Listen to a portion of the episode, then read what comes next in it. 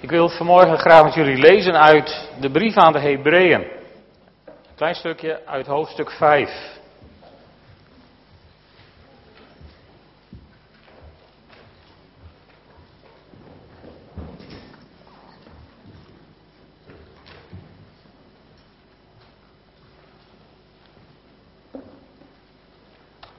Hebreeën 5 en ik begin bij vers 1. Wie uit het volk tot hoge priester wordt gekozen, wordt aangesteld om tussen God en de mensen te bemiddelen, om gaven en offers te brengen voor onze zonden. Doordat hij zelf aan zwakheden ten prooi kan vallen, is hij bij machten begrip op te brengen voor hen die uit onwetendheid dwalen. En daarom moet hij niet alleen offers opdragen voor de zonden van het volk, maar ook voor zijn eigen zonden. Niemand kan zich die waardigheid toe-eigenen. Men wordt daartoe door God geroepen, zoals ook met de Aaron gebeurde. Christus heeft zich de eer hoge priester te worden evenmin zelf verleend. Dat deed degene die tegen hem zei: Jij bent mijn zoon, ik heb je vandaag verwekt. Ergens anders zegt hij iets vergelijkbaars. Jij zult voor eeuwig priester zijn, zoals ook Melchizedek dat was. Christus heeft tijdens zijn leven op aarde onder tranen en met luide stem gesmeekt en gebeden tot hem die hem kon redden van de dood en werd verhoord vanwege zijn diep ontzag voor God. Hoewel hij zijn zoon was, heeft hij moeten lijden, zo heeft hij gehoorzaamheid geleerd. En toen hij naar de uiteindelijke volmaaktheid gevoerd was, werd hij voor allen die hem gehoorzamen een bron van eeuwige redding. Tot zover. Dat is het thema voor vanochtend. Voor velen een bron van eeuwige redding. De schrijver van de brief de, aan de Hebreeën legt in dit, uh, in dit hoofdstuk eerst uit hoe het met het menselijk priesterschap werkt. De priester die moet bemiddelen tussen God en mensen. De priester die zelf niet volmaakt is, die dus ook zelf nooit geschikt zal zijn als offer. En die priester die zich die waardigheid niet kan toe-eigenen, maar door God geroepen moet worden voor deze, voor deze taak. En dan komt de schrijver bij het priesterschap van Christus. Christus kwam niet uit de lijn van Aaron. De priesters uit de lijn van Aaron moesten na de ballingschap met uitgebreide geslachtsregisters aantonen dat ze afstamden van Aaron uit het goede geslacht waren. Anders mochten ze geen priester worden. Maar Jezus is priester geworden in de lijn van Melchizedek. Nou, Melchizedek had geen geslachtsregister, althans niet in de Bijbel. En hij heeft ook geen nakomelingen, althans niet in de Bijbel. Melchizedek is zo'n figuur die komt ineens uit de mist van het verhaal eventjes tevoorschijn en verdwijnt ook weer in de mist van de geschiedenis. En Jezus in de lijn van Melchizedek. Melchizedek, wat betekent koning der gerechtigheid. Daarom kon hij hoge priester zijn. Hij was ook geschikt als offer, omdat hij niet zwak was, maar hij was volmaakt. En als volmaakte offer, zegt de Hebreeënbrief ook, is hij met zijn eigen bloed voor eens en voor altijd het heiligdom binnengegaan om onze verlossing te bewerken. Maar ook Jezus kon zich het priesterschap niet toe-eigenen. Het werd hem gegeven. Ook hij functioneerde vanuit zijn roeping. En, en de tekst waar het vandaag om gaat, vers 9, zegt ook dat hij naar de uiteindelijke volmaaktheid gevoerd werd.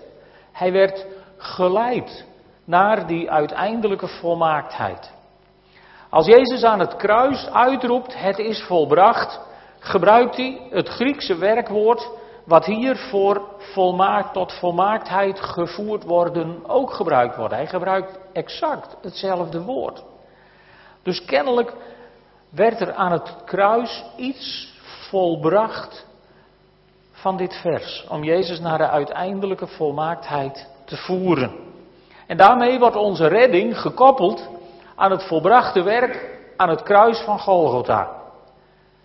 En er is geen enkele mogelijkheid in mijn ogen om dat daar ooit weer van los te maken. Er is geen redding buiten het kruis van Golgotha. Maar de weg tot volmaaktheid van onze Heer Jezus eindigde niet aan het kruis. Die weg die ging verder. We hebben dat gezongen. in dat laatste lied. Hij is neergedaald van zijn troon, ging van de stal naar het kruis, van het kruis naar het graf. Maar hij is ook uit het graf weer opgestaan.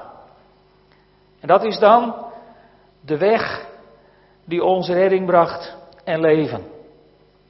En weet je, die weg eindigde dus niet aan het kruis. Die weg eindigde ook niet in het graf. Dat is altijd de moeite die ik heb met als je in katholieke kerken alle afbeeldingen van, van het lijden van Jezus ziet, eindigt het altijd bij een graf. En ik weet niet hoe het met u is, maar mijn Jezus eindigde niet in het graf. Mijn Jezus stond op uit de dood en overwon daarmee de dood. Waardoor je met Pasen kunt zingen. Nu jaagt de dood geen angst meer aan, want alles, alles is voldaan. En uh, verscheidene mensen in ons midden hebben de afgelopen week bij een graf gestaan, of zullen de komende week bij een graf staan van iemand die een kind was van de Heer Jezus. En er zullen, naar ik, naar ik aanneem, iets geproefd hebben wat, wat wij met zuster Vegeling ook geproefd hebben. De dood jaagt geen angst meer aan, maar hij heeft gewoon niet het laatste woord meer. Omdat Jezus Christus opstond uit de dood. Hij heeft de dood overwonnen. Maar daarmee was de weg van Jezus Christus nog niet ten einde. Want na een tijdje, 40 dagen, werd hij opgenomen in de hemel. Waar hij zit aan de rechterhand Gods. Zoals de apostolische geloofsbeleidenis zegt. Was dat dan belangrijk? Ja, die hemelvaart van Jezus was heel erg belangrijk. Want omdat hij daar zit, omdat hij, omdat hij verheven is tot zijn heerlijkheid, en dat, dat moet je thuis maar eens nalezen, dat legt Paulus ontzettend mooi uit in Efeze 1. Daar zegt hij, dat, dat juist omdat Christus zijn plaats heeft ingenomen, zijn verheerlijking heeft meegemaakt, is voor ons beschikbaar gekomen de alles overtreffende grootheid van zijn kracht. De alles overtreffende grootheid van zijn kracht. Letterlijk moet je dit even opzoeken in de herziene statenvertaling. Daar staat het zo. En ik vind het zo'n prachtig vers. De alles overtreffende grootheid van zijn kracht. Die is, die is voor ons beschikbaar geworden omdat Hij zijn plaats heeft ingenomen, zijn autoriteit op de troon naast de Vader. Jezus hemelvaart. Misschien wel het beste wat ons ooit is overkomen, want wij mogen daardoor leven vanuit die alles overtreffende kracht. Dat is ons geschonken. Als, als levensmotto, maar ook als bron van ons leven als bron van onze kracht. Want Hij is die bron, Jezus Christus. Het is interessant als je verschillende Bijbelvertalingen leest, dat je je afvraagt, ja was Hij nou, zoals het in de nieuwe Bijbelvertaling staat, een bron van eeuwige redding? Of was Hij de bron van onze eeuwige redding? Die is interessant. Als je verschillende Bijbeltalingen met elkaar vergelijkt, dan kom je tot de ontdekking dat alle Engelse vertalingen die ik heb gezien, die hebben het over Jezus Christus als the author of our salvation, als de auteur van onze redding. Nou, daar is weinig twijfel dan over mogelijk. Als je de Duitse vertalingen bekijkt, dan kom je in bijna alle Duitse vertalingen toe op der Ursache onze Rettung. De oorzaak van onze redding. En dan ga je in de Nederlandse vertalingen bladeren. En dan staat er toch wel heel vaak een, moet ik zeggen. Alsof er meerdere wegen naar behoud zouden leiden. Ik ga er maar vanuit dat de Bijbelvertalers dat zo niet hebben bedoeld. Want dat zou in strijd zijn met wat Jezus zelf zegt over, over zichzelf. Bijvoorbeeld in Johannes 14. Ik ben, ik ben de weg, de waarheid en het leven en niemand komt tot de Vader dan door mij. Met andere woorden, dan kun je net zo goed zeggen dat hij de bron van eeuwige redding was. En Petrus die zegt het in Handelingen 4, vers 12. Door niemand anders kunnen wij worden gered, want zijn naam is de enige op aarde die mensen redding biedt. En als dat nog niet genoeg is, dan komen we in openbaringen die grote scharen tegen die niemand tellen kan. Uit alle volken en naties en talen die samen uitroepen. De redding komt van onze God die op de troon zit en van het lam. Met andere woorden, laten we het vandaag maar hebben over de bron van eeuwige redding. En niet over een, want dat is me net even, net even, ja, te vrijblijvend zou ik bijna zeggen. En weet je, als Jezus voor jou de bron is geworden van je eeuwige redding, dan mag je leven uit de bron. Dan mogen wij ook samen als gemeente leven uit de bron. En dan mogen wij ook als kinderen van God anderen om ons heen proberen te laten leven uit de bron. Maar hoe zou je dat dan moeten doen? Wel, Paulus zegt er iets over in, in Romeinen 10. In Romeinen 10, vers 10, ik lees het u voor, Romeinen 10. Als uw hart gelooft, zult u rechtvaardig worden verklaard. Als uw mond beleidt, zult u worden gered. Want de schrift zegt, wie in hem gelooft, komt niet bedrogen uit. Wie in hem gelooft, komt niet bedrogen uit. En er is geen onderscheid tussen Joden en andere volken, want ze hebben allen dezelfde Heer. Hij geeft zijn rijke gaven aan allen die hem aanroepen. Want er staat, ieder die de naam van de Heer aanroept, zal worden gered. Maar hoe kunnen ze hem aanroepen als ze niet in hem geloven? En hoe kunnen ze in Hem geloven als ze niet over Hem hebben gehoord? En hoe kunnen ze over Hem horen als Hij niet verkondigd wordt? En hoe kan iemand verkondigen als Hij niet is uitgezonden? En dan gaan veel christenen vaak achterover zitten. Denken, oh hè, dat is alleen voor degenen die zijn uitgezonden, voor de geroepenen. Maar eh, nou heb ik even een vraagje voor jullie. Weten jullie wat de kerk is? Wat is de kerk? Ik versta jullie niet. Sommige mensen denken, deze hoop stenen hier, hè, het is ook een gebouw waarin de kerk samenkomt, volgens mij. Maar wat is de kerk? Alle geloven, ja. Het Griekse woordje voor kerk is het woordje ecclesia. Het is afgeleid van het werkwoord ecclesia, ja? En de ecclesioi, de geroepenen, dat zijn jullie. En ik. Ja, ik kan mezelf ook niet, niet helaas erbuiten zetten. Dus de kerk, de geroepenen, als Paulus het hier heeft over degenen die zijn uitgezonden, dan zijn wij dat met z'n allen. Dus er is geen plek om achterover te leunen. Want jij bent net zo geroepen dan ik. Om te verkondigen. Daar kom ik straks even op terug. Hij is voor velen dus de bron van eeuwige redding. De schrijver van de Hebreeënbrief zegt, hij is voor allen die hem gehoorzamen een bron van eeuwige redding. Die voorwaarden, daar wil ik eerst even bij stil blijven staan. Gehoorzamen. Gehoorzamen. Dat is voor ons wat een lastig woord, hè? Want als wij het hebben over gehoorzamen, dan gaan we heel snel denken aan allerhande regeltjes. In Romeinen 1, vers 5, dan schrijft Paulus, hij heeft mij de genade geschonken apostel te zijn, opdat ik omwille van hem aan alle volken, en dan staat er in, in de NBV-vertaling, gehoorzaamheid en geloof zou verkondigen.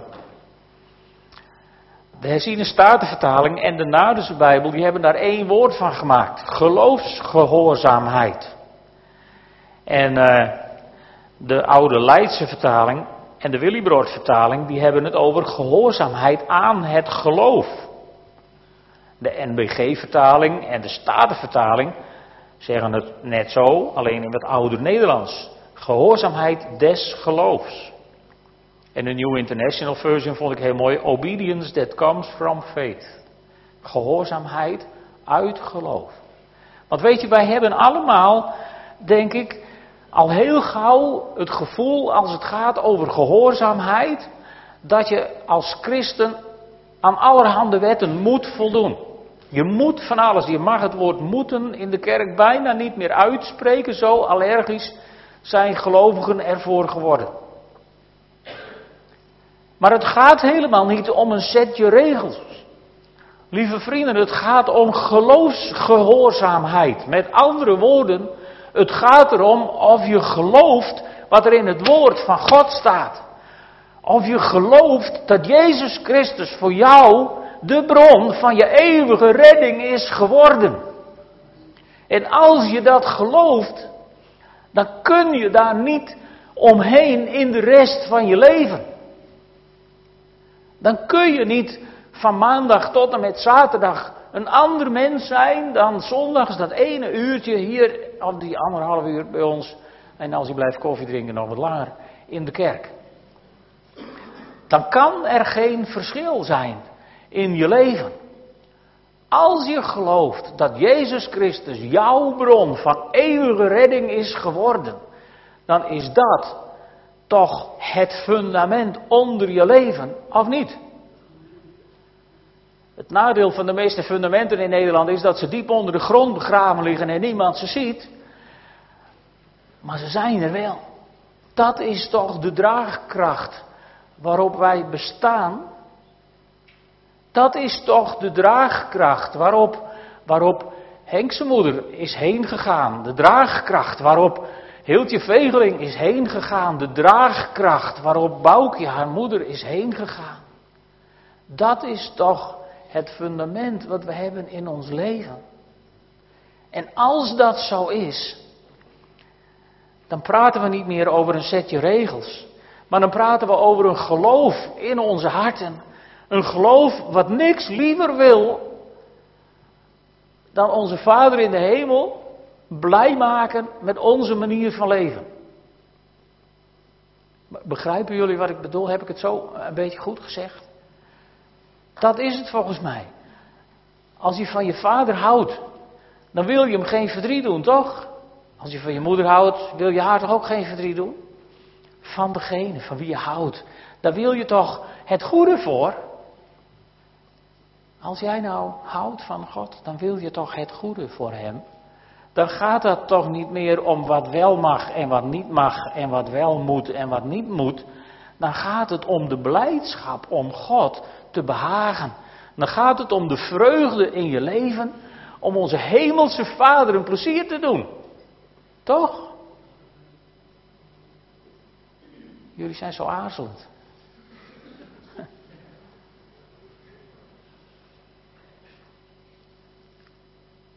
En weet je, als je dan zo in het leven kunt staan, met dat diepe verlangen om God een plezier te doen, dan wil je ook dat andere mensen om je heen delen in die blijdschap.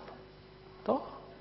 Dan wil je toch delen om je heen van de vreugde die het meebrengt om een kind van God te zijn. En dan, dan heb je ook kans om andere mensen te verleiden om Jezus Christus aan te nemen als de bron van hun eeuwige redding. En, en, ik moet je eerlijk bekennen, ik, Geert en ik zeiden ervaringsdeskundigen dat dat niet altijd lukt, zelfs in je eigen familie niet. En dan is er een groot verschil tussen het, het afscheid nemen van iemand die een kind van God is, geborgen is in de liefde van Christus. En het binnenkort waarschijnlijk afscheid moeten nemen van iemand die dat niet heeft. Daar is dag en nacht verschil tussen. En wat zijn wij dan als kinderen van God, intens gelukkige mensen? Dat we mogen leven vanuit die eeuwige redding. En, en zelfs al ben, je nog, al ben je nog bloedjong, ik zie hier heel veel hele jonge mensen ook nog zitten, jullie zijn er naar ik vurig hoop, nog lang niet aan toe. Maar gered ben je nu, als je ja zegt tegen Jezus. Dat is niet een kwestie van als je op de drempel staat van dit leven en, en, en de volgende fase van je leven. Een kind zijn van Jezus. Dat kun je nu beslissen en, en de meeste van jullie die ik ken, die hebben dat volgens mij al lang besloten. Dan is die eeuwige redding jouw deel. En weet je waarom? Omdat die weg van Jezus, die tot volmaaktheid gevoerd werd, die was ook met de hemelvaart niet over. Ik heb de apostolische geloofsbelijdenis leven genoemd. En degenen onder ons die hem kennen, die weten wat er staat. Zittende aan de rechterhand Gods, van waar hij komen zal. Ja, ook dat is niet het eindpunt. De Heer Jezus komt een keer terug. En uh, ik speculeer niet op hoe lang of op wanneer. Het enige wat ik jullie wil meedelen is dat het 2000 jaar dichterbij is dan toen het werd opgeschreven. En dat is al een heel eind. Dus ik zou er maar wat rekening mee houden. Jezus komt terug. En wat komt hij dan doen? Staat ook in de apostolische geloofleiding. Dat is een beroerd stukje. Om te oordelen de levenden en de doden. Oh ja. En weet je, hoe dat oordeel uitvalt, daar hebben wij ons niet mee te bemoeien. Wij hebben er een handje van als christenen om, om dat nu alvast even te regelen. Maar wij, wij hebben wat speciaals. Wij hebben wat speciaals. ook daar zou de politiek waarschijnlijk schande van spreken. En ik weet niet of jullie het hebben meegekregen, maar een tijdje geleden stond er in de krant dat als je met je kinderen naar Walibi ging in België en je betaalt 35 euro extra, per kind, dan hoeft dat kind niet in de rij te staan, maar dan mag hij om de rij heen en dan mag hij vooraan eerst in de attractie. En iedereen roept er schande van. Ja, ik snap dat ook wel, want je zult die 35 euro zelf maar niet hebben en in die rij staan. Hè? Maar niet van je stoel vallen. Eigenlijk hebben wij precies hetzelfde, weet je dat? Jezus Christus is mijn bron van eeuwige redding. En als ik het verhaal in openbaringen goed lees over hoe het gepland is, dan komt hij terug om te oordelen de levenden en de doden en mij niet. Want ik ben gered van het oordeel. En jij bent gered van het oordeel. Jij mag om die hele rij heen gewoon zo vloep naar binnen. Wauw. Dat is nog eens wat. Een bron, de bron van onze eeuwige redding. Wij komen niet onder dat oordeel. En wie er wel in komen, laten we ons daar maar niet mee bemoeien. Wij zijn gered van dat oordeel. En dat heeft enorme consequenties. Als wij overlijden, dan gaan we naar Hem in het paradijs. Zoals de moordenaar die naast Hem hing aan het kruis. Hè. In Lucas 23, vers 43 zegt Jezus dat. Ik verzeker je nog, vandaag zul je met mij in het paradijs zijn. Ik, ik heb geen idee hoe dat eruit ziet, wat je je daar precies bij moet voorstellen. Doet er ook niet toe, dat zie ik later wel. Maar, maar ook daar gaan we niet blijven. We krijgen daar een plekje, vast een goed plekje. Want uh, de heer Jezus zegt, in het huis van mijn vader zijn vele kamers, anders zou ik, het, zou ik anders gezegd hebben dat ik een plaats voor jullie gereed zal maken. Dus Jezus heeft een plekje voor ons bereid in dat huis van de Vader.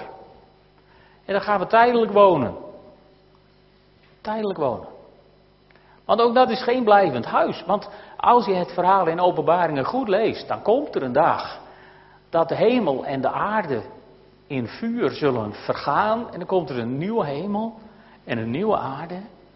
Dus dan zijn die kamers die zijn opgebrand. En dan wonen wij op een of andere wijze, volgens mij, op de nieuwe aarde. Dan zullen we wonen en werken tot in alle eeuwigheid. En je moet het maar eens lezen. Dan hoeven wij niet meer naar de hemel. Want het nieuwe Jeruzalem, juist, dat daalt neer uit de hemel en het komt in ons midden. En God komt wonen op de aarde, zodat we geen lampjes meer nodig hebben en uh, dat het nooit meer donker zal worden. En geen idee hoe het er precies uitziet, maar het klinkt zo verleidelijk dat je denkt, heren, doe mij die nieuwe hemel en die nieuwe aarde maar. Wauw, wat geweldig moet dat zijn. En weet je, dat is een toekomst die we hebben. Een heerlijke toekomst van een eeuwigheid in de aanwezigheid van God. Een geweldige toekomst. En ja, daar moet je niet te veel over fantaseren, want dan doe je het net als heen nog straks. En dan zeg je, heren, laat mij maar nu. En ik wil niet verder terug. Lieve mensen, in die hoop leven wij. En van die hoop getuigen wij. En, en laat ik je dit zeggen, meestal doen we dat niet met woorden, maar wel altijd door onze daden.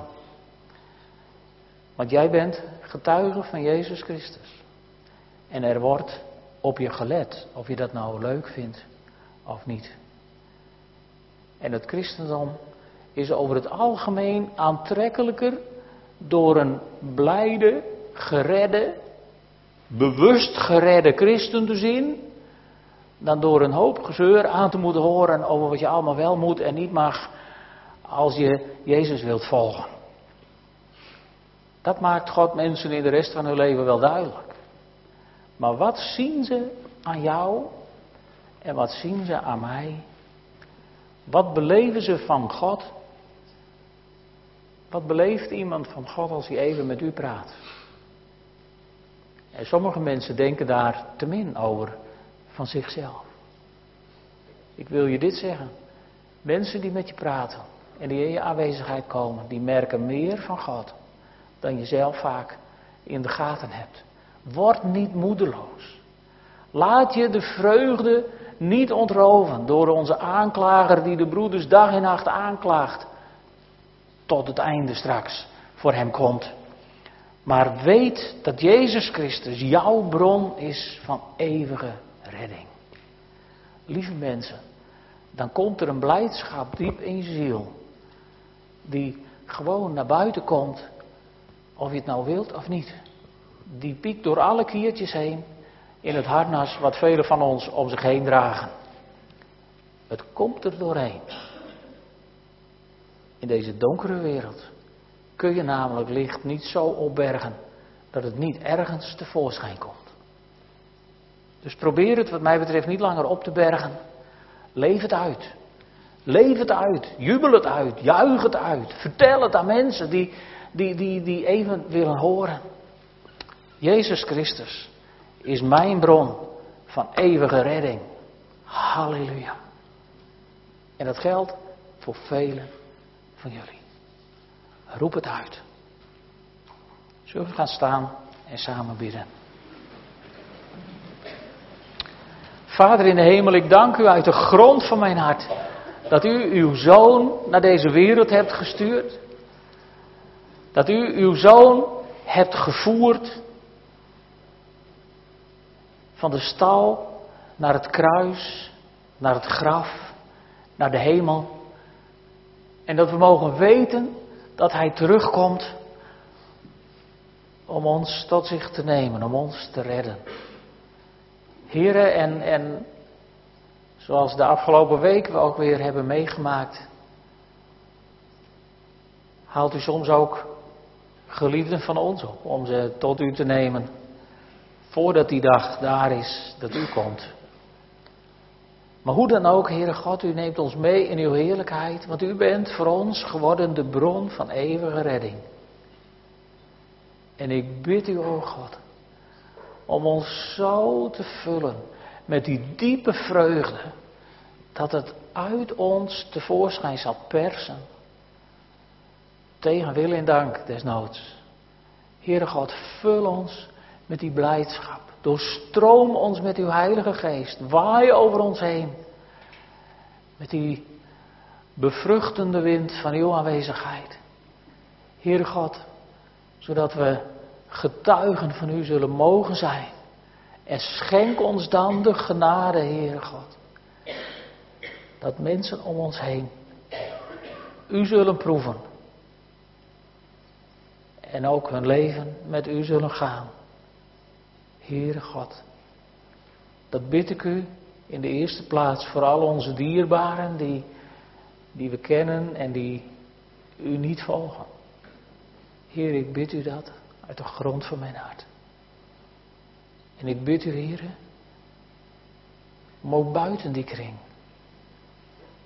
Heer, schenk ons de blijdschap en de vreugde van mensen die hun leven geven aan u. Heer, u bent het zo waard. Dank u wel dat u mijn bron bent van eeuwige redding. Amen.